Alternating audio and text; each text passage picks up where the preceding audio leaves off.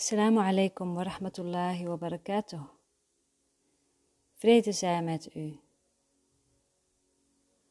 Wat zijn de eigenschappen van Gods leraren?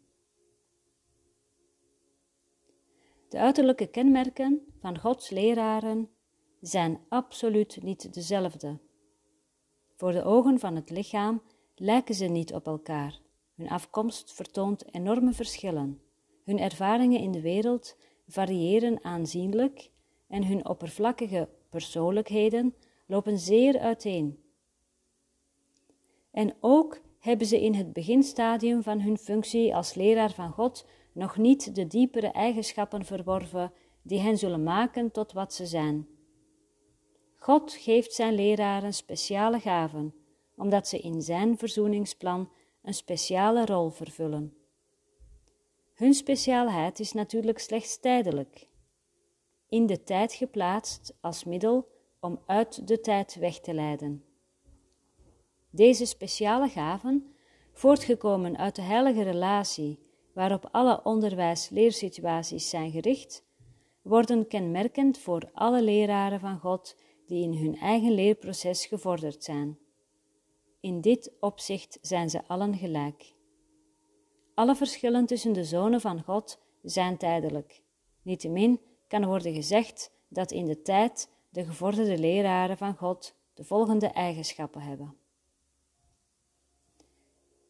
Dit is de inleiding en dan worden de eigenschappen opgenoemd in het handboek voor leraren, zijn bij hoofdstuk 4 de eigenschappen van Gods leraren op een rij. Vertrouwen, eerlijkheid, verdraagzaamheid, zachtmoedigheid, vreugde, verdedigingsloosheid, vrijgevigheid, geduld, trouw en openheid van denken. In deze podcast bespreek ik het eerste deel, of de eerstgenoemde eigenschap vertrouwen, met een um, A en een B. A, het ontwikkelen van vertrouwen. En nee, het is helemaal geen B. Dus we gaan er gewoon doorheen. Het ontwikkelen van vertrouwen, pagina 10 in het handboek voor leraren. Uh, even een, een, korte mededeling tussendoor. Het is uh, vandaag woensdag. Het is mijn vakantie. Uh, mijn kinderen zijn thuis. dus misschien is er wat beweging. En, of het kan zijn dat je af en toe iemand hoort. Het zijn tieners, dus ze doen hun eigen ding. En um, nou, ik vertel het alvast, maar ik uh, ga gewoon verder met het ontwikkelen van vertrouwen. En ik neem je graag mee. En ik lees voor. Eerst moeten ze een periode doormaken die aangeduid kan worden als een periode van ongedaan maken. Dit hoeft niet pijnlijk te zijn, maar wordt gewoonlijk wel zo ervaren. Het lijkt alsof er dingen worden weggenomen, en aanvankelijk wordt zelden begrepen dat men slechts hun gebrek aan waarde begint in te zien. Hoe kan het ontbreken van waarde worden waargenomen als de waarnemer niet in een positie is waarin hij de dingen wel in een ander licht moet zien?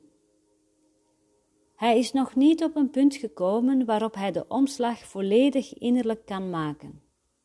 En dus zal het plan soms veranderingen vragen in wat uiterlijke omstandigheden lijken te zijn. Deze veranderingen zijn altijd behulpzaam. Wanneer de leraar van God dat eenmaal heeft geleerd, gaat hij over naar de tweede fase. Dus de eerste fase is een periode van ongedaan maken. Het kan pijnlijk zijn, het hoeft niet pijnlijk te zijn, maar gewoonlijk is dat wel zo. Misschien herken je dit als student van een cursus in wonderen. Uh, misschien herken je dit als ook in je beginfase. Dat het ongedaan maken, dat je daardoor um, in een hele roerige periode komt van angst en twijfel, onzekerheid. Je weet het niet meer. Je loopt vast. Het lijkt bewolkt en, en donker. En de, de, zekerheid, of dat, dat wat je kende, is ineens niet meer zeker. Dus het fundament blijkt uh, niet stabiel te zijn. En uh, je zet weer opnieuw bij alles een vraagteken. En dat kan leiden tot soms wat uiterlijke veranderingen, die ik zeker ook doorgegaan ben, die uiterlijke veranderingen. Als ik terugkijk uh, wat er in vijf jaar allemaal gebeurd is, uh, sinds ik met de cursus bezig ben. Um, en er volgen dus nog meerdere fases. En uh, het is mooi om die te lezen, om, om, om eens te, te gaan voelen van in welke fase zit ik. En, en uh, wat herken ik. En deze tekst geeft dan ook het vertrouwen uh, van hé, hey, dit is herkenning en dus erkenning. Je weet ook gewoon waar je bent. Ook een, vind ik zelf nog steeds een hele mooie vraag die ik aan mezelf stel en ook aan, aan anderen uh, wanneer ze vastlopen, is waar ben je? En dat vraagt om zelfreflectie en even ook een moment van stilte om te voelen waar ben ik? Een periode van ongedaan maken is dus de eerste fase. De leraar van God is nog niet op een punt gekomen waarop hij de omslag volledig innerlijk kan maken. En dus zal het plan soms veranderingen vragen in wat uiterlijke omstandigheden lijken te zijn. Deze veranderingen zijn altijd behulpzaam. Nou, dan gaan we verder. Vervolgens moet de leraar van God een periode van schiften doormaken. Dit is altijd wat moeilijk, omdat nu hij geleerd heeft dat de veranderingen in zijn leven altijd behulpzaam zijn, hij nu over alle dingen moet beslissen op grond van het feit of ze die behulpzaamheid bevorderen of hinderen. Hij zal ontdekken dat vele, zo niet de meeste dingen waar hij vroeger waarde aan hechtte, alleen maar zijn vermogen in de weg staan om wat hij geleerd heeft over te dragen op nieuwe situaties, wanneer die zich voordoen. Omdat hij waarde heeft gegeven aan wat in werkelijkheid geen enkele waarde heeft, zal hij de les uit angst voor verlies of een offer niet veralgemenen. Het vereist heel wat leerwerk eer begrepen wordt dat alle dingen, gebeurtenissen, ontmoetingen en omstandigheden behulpzaam zijn. Slechts in de mate waarin ze behulpzaam zijn, kan er in deze wereld van illusies enige werkelijkheidsgraad aan worden toegekend. Het woord waarde kan nergens anders opslaan. Ik vind dit heel mooi en heel duidelijk, een periode van schiften. Uh, in het begin dan hebben we het idee dat we op sommige situaties en personen wel het vergevingswerk en het ongedaan maken kunnen toepassen. En dat is simpelweg, er gebeurt iets, uh, dat kan uh, een cijfer van 8 hebben op, op uh, um, qua zeg maar angst of onvrede. Dus heel heftig, vrij heftig. Uh, en dan weten we heel snel de vergevingslessen te vinden en dat toe te passen. Want we willen niet in angst zijn. Maar dat doen we niet bij alle situaties en bij alle personen. We maken verschil.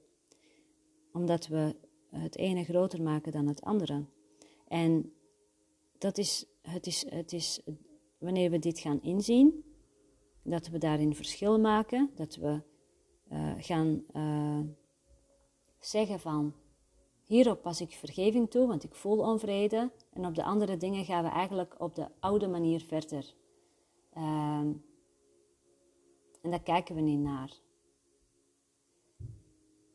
Terwijl er echt geen verschil is. Als we die toepassen, dan is het belangrijk dat we geen verschil maken in de dingen, hoe groot of klein ze zijn. En als je hier meer over wil weten, eh, ik ga daar ook een lezing over geven in uh, België, in Berchem, volgend jaar. Volgens mij in februari. Bij het Vlaamse platform van een cursus in wonderen. Dus ik ben daar nu al eigenlijk ook mee bezig. Voor mezelf is het een verdiepingsproces. Uh, om, uh, om echt te gaan kijken waar dissocieer ik nog. Uh, dissociatie, er is een heel mooi uh, boek uh, over, een klein boekje van Kenneth Wapnick. En Kenneth Wapnick, uh, die, ja, dat is een bekende naam in de wereld van een cursus in wonderen. Dus als je daar meer over wil weten, dan zoek hem op. En ehm, er is een prachtig boekje over dus dissociatie. En um, heb ik hem naast me liggen. Ik ga even kijken. Nee, hij ligt in de keuken op tafel. Uh, maar in ieder geval Kenneth Wapnick, die kan dat heel goed omschrijven. En uh, over de muur die we in onszelf hebben gebouwd. En dat eigenlijk bij elke onvrede, waar het eigenlijk op neerkomt, is dit. Um, we hechten nog eigenlijk te veel waarde aan wat we dissociëren. Dus aan de situaties en de personen. Dus daar, daar uh, ver, vergrootglas en dan kijken we naar wat er precies ligt. En hij kan heel helder uitleggen dat het niet gaat om wat we dissociëren, maar om dat we dissociëren. Dus zo wordt het van uh, heel complex naar eenvoudig. Want vaak zeggen mensen ook van ja, maar het is zo ingewikkeld. Maar dat is het juist niet. Verlossing is heel eenvoudig. Dus het gaat er niet om welke situatie, die hoeven we niet helemaal te gaan ontleden en te analyseren. En uh, dat is dus niet nodig. Het is simpelweg niet waar. En er zijn stromingen, spirituele, uh, spirituele stromingen, en ik weet daar ook de naam niet van, want ik, daar, daar heb ik weinig uh, weet van, zeg maar. Uh, die echt werkelijk toepassen bij alles wat er gebeurt, is dit is niet waar, dit is niet waar. En ze blijven dat herhalen als een soort van mantra. Om steeds wakker te blijven en in te zien dat ze dus niet het lichaam zijn, maar de keuze maken dat dat dit een droom is. Um, ja, dat is dus deze fase, een periode van schriften. Ontdekken, hey, ik maak verschil tussen het ene en het andere, maar er is eigenlijk geen verschil. Ik heb me afgescheiden. Dat is de kern, dat is de bron. Ik heb me afgescheiden en ik heb een muur gezet om de liefde van wat ik ben, om dat niet te ervaren. Dus ik voel onvrede. Nou, dat komt niet omdat ik iets fout heb gedaan, dat komt niet omdat jij iets fout hebt gedaan, maar dat komt simpelweg omdat ik een muur in mezelf heb gebouwd en die muur in stand hou. En um, moeten we dan de muur afbreken? Nee, dat is helemaal niet nodig. We kijken naar die muur. We beseffen ons dat we dat gedaan hebben. We maken een andere keuze. We dragen het over aan de Heilige Geest. En als je een student bent uh, en net begonnen met de cursus in wonderen, kan dat soms lastig, een lastig idee zijn. Dat begrijp ik. Dat begrijp ik heel goed, want dat is lastig voor het ego. Het is alleen maar lastig voor het ego. Want zodra we de opening maken naar de Heilige Geest, dan betekent dat dat het ego niet meer de leraar is. Alles wat je lastig vindt bij de cursus, dat is het ego. Zo eenvoudig is het. En dat is ook de reden waarom het lastig is om door te zetten en door te gaan. Maar als je bereid bent, als je echt vrij wil zijn, dan betekent dat dat je bereid bent om het ego, om echt naar het ego te kijken en om echt naar de angst te kijken. En dat is geen leuk proces.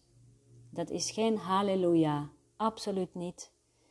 Um, als het verlangen er is, dan zul je de hulp krijgen en dan zul je ook door uh, die donkere, duistere, zware periode heen komen. En um, ja, ik kan het vergelijken met een zware bevalling, maar misschien ben jij een man of misschien um, heb je alleen maar als vrouw fijne bevalling gehad. Misschien heb je helemaal geen kinderen. Ik weet het niet, maar um, als je dat wel ervaren hebt, een langdurige en zware bevalling, dan is het, daar kan ik het mee vergelijken. Het is doorzetten, doorgaan en je weet, er is geen weg terug. Er is simpelweg geen weg terug. Want als we niet kijken naar de angst, dan zal de angst die in de denkgeest zit, die illusoir is, maar hij lijkt echt. Hè? Hij is illusoir, omdat het ego illusoir is. Daar is de cursus ook heel helder in. Ehm, dan, uh, dan gaan we die angst buiten onszelf projecteren. En daarom kunnen we ook zeggen dat wat er gebeurt, dat het niet waar is. Omdat de bron daarvan, dat is niet werkelijk. En daarom kunnen we heel snel gaan shiften op, uh, of, of, of gaan omschakelen eigenlijk. En dan hoeven we niet meer een verschil te maken tussen het ene of het andere. En je weet, je kunt gelijk zeggen van hé, hey, dit is dus de afscheiding. Ik heb me afgescheiden. En dat is echt verantwoordelijkheid nemen. Dat is wat ik ontdekt heb. Toen ik uh, vrij wilde zijn, wilde ik alleen maar vrij zijn en genieten van het leven. Maar ik ben er gaandeweg achter gekomen dat vrij zijn eigenlijk ook best wel moeilijk is. Voor het ego dan, voor mij als ego zijnde, als afgescheiden ikje. Want er komt een stuk verantwoordelijkheid bij kijken. En dan is de vraag, ben ik er klaar voor om die verantwoordelijkheid te nemen? Ben ik er klaar voor om echt vrij te zijn? Ben ik er klaar voor om echt mijn geluk, wat ik al heb gekregen, om dat echt toe te laten in mijn leven en om dat toe te laten op alle vlakken in mijn leven?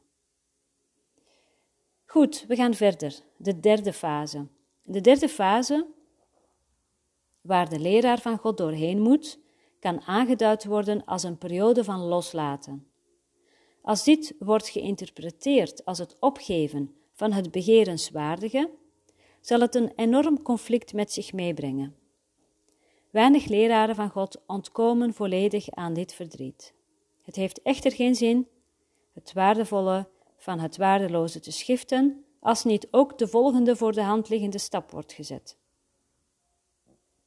Daarom zal de overlappende periode er waarschijnlijk een zijn waarin de leraar van God zich geroepen voelt zijn eigen hoogste belang op te offeren ten gunste van de waarheid. Hij beseft vooralsnog, vooralsnog niet hoe volkomen onmogelijk zo'n eis zou zijn. Hij kan dit alleen leren als hij daadwerkelijk het waardeloze opgeeft.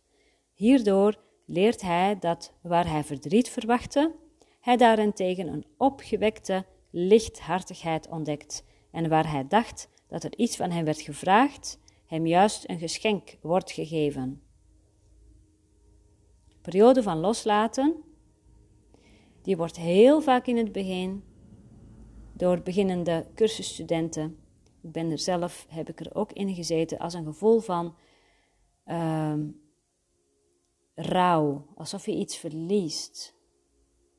En dan wordt er ook gezegd, ja, maar dan, oh, maar dan, maar dan mag ik, kan ik ook niet meer dit doen. Of dan mag ik ook niet meer gelukkig zijn. Of mag ik ook niet meer dit willen bereiken. En dan moet ik dat doel loslaten. Het gevoel eh, alsof je iets niet mag of zo. En dat, het leidt tot conflict. Er is, dat wordt nog niet echt begrepen. En dat wordt niet begrepen, omdat wat nog niet begrepen wordt, is dat Gods wil voor jou, echt vrij zijn, Gods wil voor jou is volmaakt geluk. Dat is compleetheid, omdat je deel bent van God. Ehm, je bent één met God en God is compleet en heel. In God is geen gebrek, in God is geen onvrede, in God is geen conflict, alleen het ego kent conflict. Dus eigenlijk, we zijn we, zijn ergens verdrietig omdat we denken dat we iets verliezen, maar we kunnen alleen maar winnen. Maar dat beseffen we nog niet. Als we dat echt zouden zien, dan zouden we niet verdrietig zijn. Dan zouden we met alle plezier uh, periode van loslaten, echt, uh, nou ja, dansend inlopen. Maar op een gegeven moment door het te doen, door het te ervaren en door, door uh, ja, het proces, de verschuiving, dat dat gebeurt, dan, dan beginnen we te ontdekken: hé, hey, hey, er komt iets veel mooiers voor in de plaats. deze periode heeft tijd nodig. Eh, hier wordt gezegd, weinig leraren van God ontkomen volledig aan dit verdriet.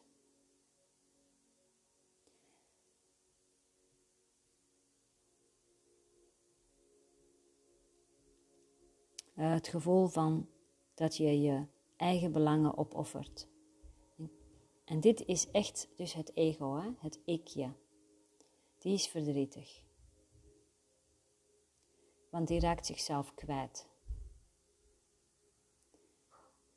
Een periode van rouw breekt aan wanneer het ego begint op te lossen. Maar eerst uh, die rouw wordt voorafgegaan door innerlijk in strijd zijn, nog wel willen vasthouden in een periode van loslaten.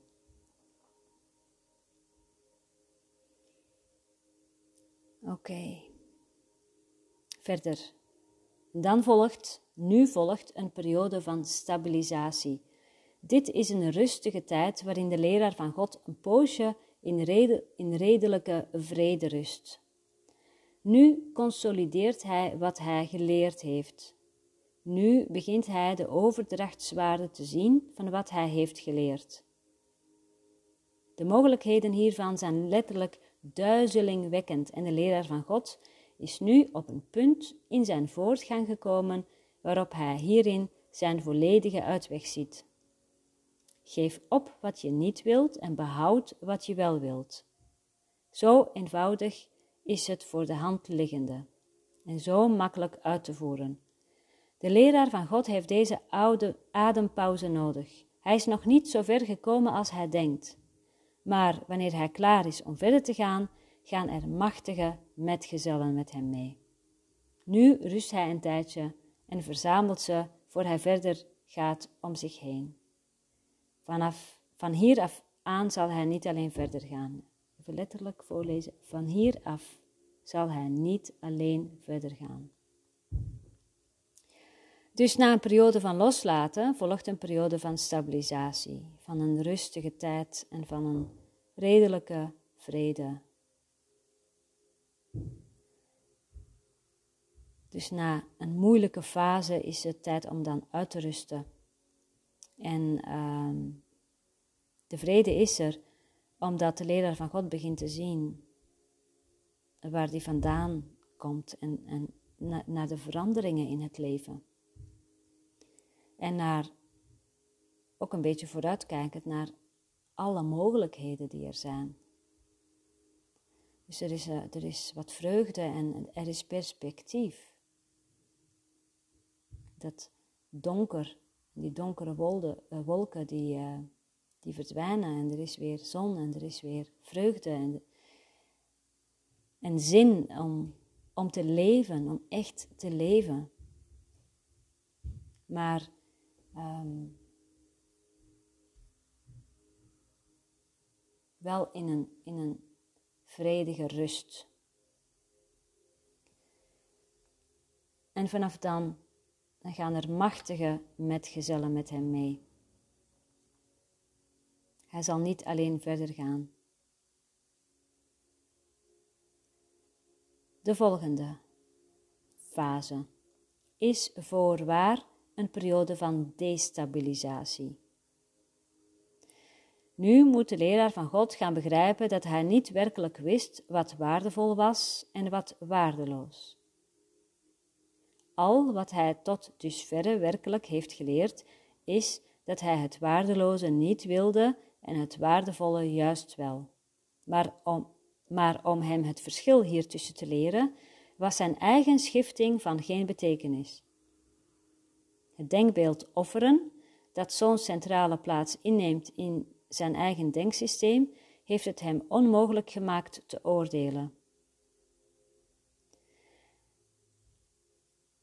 Hij dacht dat hij bereidwilligheid had geleerd. Maar nu ziet hij in dat hij niet weet waar deze bereidwilligheid toe dient. En nu moet hij een toestand bereiken die misschien voor een heel lange tijd onbereikbaar blijft. Hij dient te leren alle oordelen terzijde te leggen en in iedere situatie alleen te vragen wat hij werkelijk wil. Werd niet elke stap in deze richting zo nadrukkelijk bekrachtigt, dan zou het inderdaad moeilijk zijn. De werkboeklessen, het praktisch toepassen elke dag van de werkboeklessen, is echt essentieel om die stappen te zetten, om door te gaan in die richting. Ik vind het zo mooi uh, en ik moet er eigenlijk ook wel om lachen. Um, ik herken het ook wel dat ik eerst denk iets te begrijpen, er volledig doorheen te gaan en erin te stappen. En dan komt er, uh, dan komt er ineens uh, ja, helderheid. En dan zie ik in dat ik het eigenlijk helemaal niet weet. En al die fases, die horen erbij. Dus je kunt ook geen stappen overslaan. Het is alleen ja, vanuit, vanuit het ego, vanuit het ikje willen we graag natuurlijk alles gelijk meteen perfect doen. Maar het gaat juist om de reis, het gaat om de fases. Ja, als je uh, niet vrij bent, als je je nog identificeert met afscheiding en op die manier in, uh, naar de wereld kijkt, hoe kun je dan nog zeggen, beslissen wat wel waardevol is en wat niet? Dus het is goed om dan door elkaar geschud te worden en te beseffen, ik weet het niet. Ik weet het werkelijk niet. Ik weet het niet. Ik dacht dat ik het wist, maar ik weet het niet. En om dan in het ik weet het niet te vertoeven en toch door te gaan met kijken naar oordelen en die terzijde leggen. En in elke situatie te vragen om wat je werkelijk wil. En ja, wat wil je werkelijk? In de basis, onder alle vormen die we graag willen in de wereld, in de basis willen we in vrede zijn. Dus als je gaat naar het allerdiepste, eh, vrij zijn, wat is vrij zijn? Wat is dat precies? Dus dan kun je jezelf afvragen, wat, wat wil ik eigenlijk? Waar ben ik echt naar op zoek in deze situatie? Erkenning bijvoorbeeld. Daaronder ligt in vrede zijn. En, uh, en als je nog dieper gaat, dan kom je eigenlijk bij het vullen van de leegte.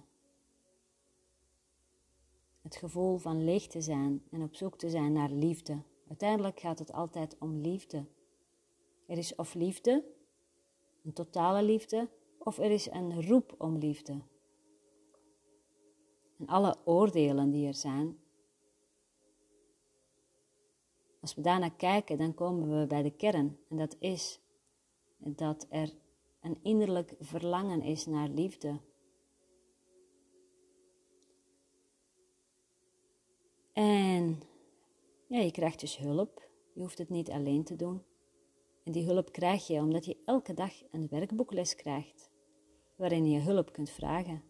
En dat vind ik zo mooi. Daarom doe ik de cursus ook heel graag. Ook al kom ik dus in zo'n donkere periode terecht, waarin het heel confronterend is voor mezelf als ego zijnde, omdat uh, ik ook ervaar elke dag hulp te krijgen. Uh, er is iets groter dan ikzelf wat me draagt. En dat helpt me ook door de donkere periodes heen. Altijd opnieuw. Dus het vertrouwen groeit steeds.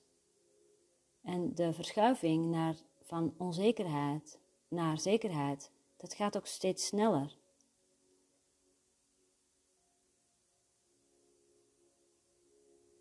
Dus de laatste zin van deze alinea is: werd niet elke stap in deze richting zo nadrukkelijk bekrachtigd, dan zou het inderdaad moeilijk zijn.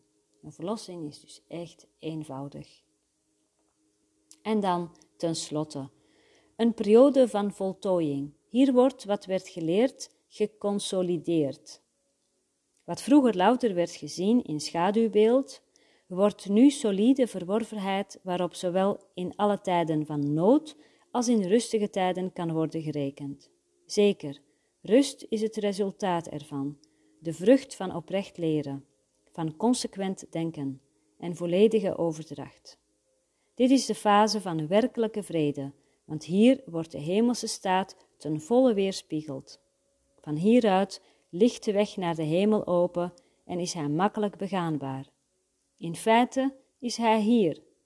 Wie zou ergens heen gaan als innerlijke vrede al totaal is?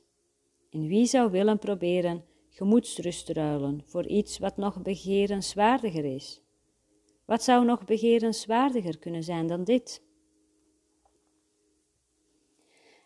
Wat bij me opkomt als ik dit lees, is dat uh, dan moet ik even denken aan de valkuil uh, bij het doen van de cursus. Is dat we denken in een periode van voltooiing te zitten, ook al hebben we het handboek voor leraren nog nooit uh, gelezen, maar we doen dan de cursus en we doen de lessen en we denken, oh, ik heb het aardig, ik heb het allemaal gedaan, maar we hebben de, de vorige fases zijn we niet echt doorheen gegaan. Die hebben we eigenlijk een beetje snel weggemoffeld. Want het is echt belangrijk om door de angst heen te gaan, om het te laten komen. Uh, dus golven van angst, verdriet en pijn, die horen erbij. En mensen vragen mij ook soms van, ja, ben jij dan altijd in vrede? Nee, absoluut niet. Het is juist die, die schuld in de denkgeest. Um, die diepte waar ik naar kijk en die dus uh, die ook voelbaar is in mijn leven, die ik ook gewoon echt voel. Ik heb ook periodes dat ik echt heel diep ga. Maar ik heb daar ook ergens voor gekozen om, om het niet uit de weg te gaan.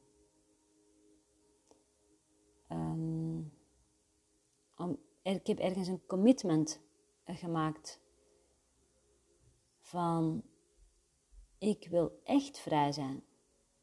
En voor mij klopt het niet uh, om uh, vrijheid te zoeken in tijdelijke dingen. Ik heb het wel geprobeerd en ik heb het gewenst en ik heb het gewild en ik, ik heb gewenst, kon ik dat maar weer. Maar er is geen stap terug als je eenmaal ervoor kiest om volledig vrij te zijn, om uit die gevangenis te stappen. En als je ziet dat de deuren open zijn, dan kun je niet doen alsof dat niet zo is. Helemaal omdat je uh, beseft van, ja, ik heb dit, deze gevangenis uh, zelf gemaakt. Ik, heb, ik kies hiervoor. Ik kies voor deze pijn.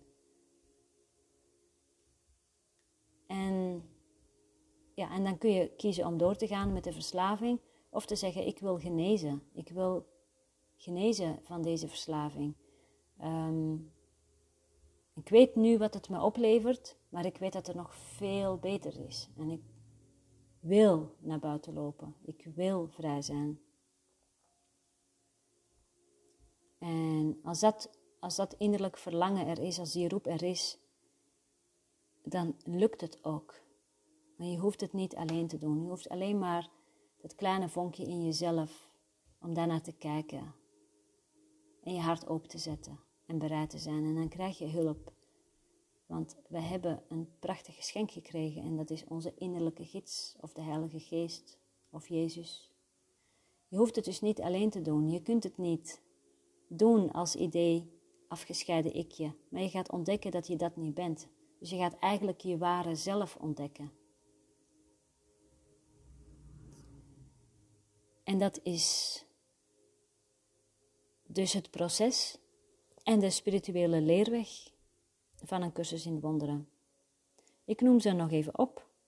De fases van uh, vertrouwen, het ontwikkelen van vertrouwen, even heel kort. Je hebt ten eerste een periode van ongedaan maken. Dan een periode van schiften. Een periode van loslaten. Een periode van stabilisatie. Een periode van destabilisatie. en tenslotte een periode van voltooiing. En dit is niet in lineaire tijd uh, uit te leggen. Denk er ook niet te lang over na. Welke fase zit ik? Je voelt, je voelt wel, uh, je herkent wel de dingen als je ze leest en laat het dan ook los. Maak er geen dingetje van, van ik zit in die fase. Beperk jezelf niet. Zet jezelf vrij, hou jezelf vrij. Zet ieder vrij.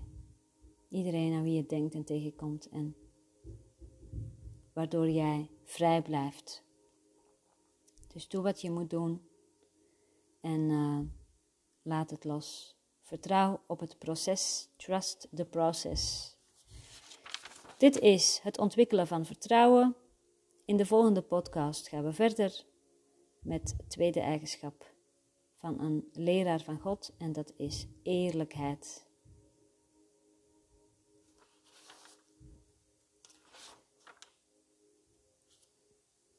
Ik wil jou danken dat je hier bent, dat je samen met mij op pad gaat, bereid bent, een open hart. Weet dat een goede afloop verzekerd is. Je wordt gedragen door de liefde van God. Vrede zij met u, ga in vrede. Assalamu alaikum wa rahmatullahi wa barakatuh.